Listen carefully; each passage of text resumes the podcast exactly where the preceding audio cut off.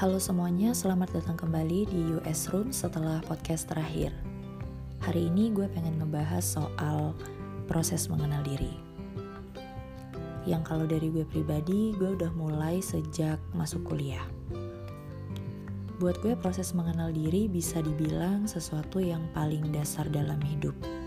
Tapi kenyataannya mengenal diri menjadi hal yang tidak sederhana karena masih banyak orang yang bingung harus mulai dari mana dan lebih tepatnya bagian diri yang mana yang perlu dikenal.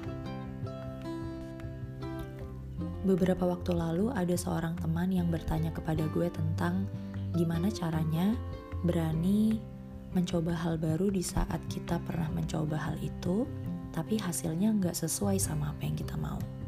Sekalinya nyoba ternyata nggak cocok, nggak sesuai ekspektasi katanya dan ini membuat kekhawatiran yang luar biasa akan hal lain. Pada saat itu yang langsung gue highlight adalah orientasi terhadap hasil dan ekspektasi. Yang kalau dipikir-pikir, seharusnya yang jadi pertimbangan awal kita adalah kita suka nggak ya sama hal baru ini. Yang mana menurut gue pribadi hal tersebut menjadi penentu yang paling penting karena ketika kalian nyobain sesuatu terus kalian udah tahu nih kalian suka atau enggak, selanjutnya kalian bisa nyoba nentuin tujuan yang lain. Sesimpel ketika kalian suka, kalian bisa coba cari tahu kira-kira tujuan kalian mau nerusin hal ini tuh untuk apa. Sebaliknya kalau di awal kalian udah nggak suka, mungkin kalian bisa pertimbangkan lagi pengen nantang diri untuk nyobain hal ini lagi atau cari hal yang lebih cocok sama kalian. Dari sini, kalian akan mulai terbiasa dengan gimana caranya identify sesuatu yang kalian suka atau enggak. Dan itu bisa dimulai dari hal-hal yang paling kecil. Misalkan, kalau kita ngomongin soal makanan dan minuman, gue lebih suka sama tortilla chips daripada potato chips. Kenapa? Karena gue lebih merasa nyaman sama tekstur dan rasa tortilla ketika dimakan. Kalau ditanya lagi, lebih suka mana tortilla chips merek Max Corn atau Happy Toast?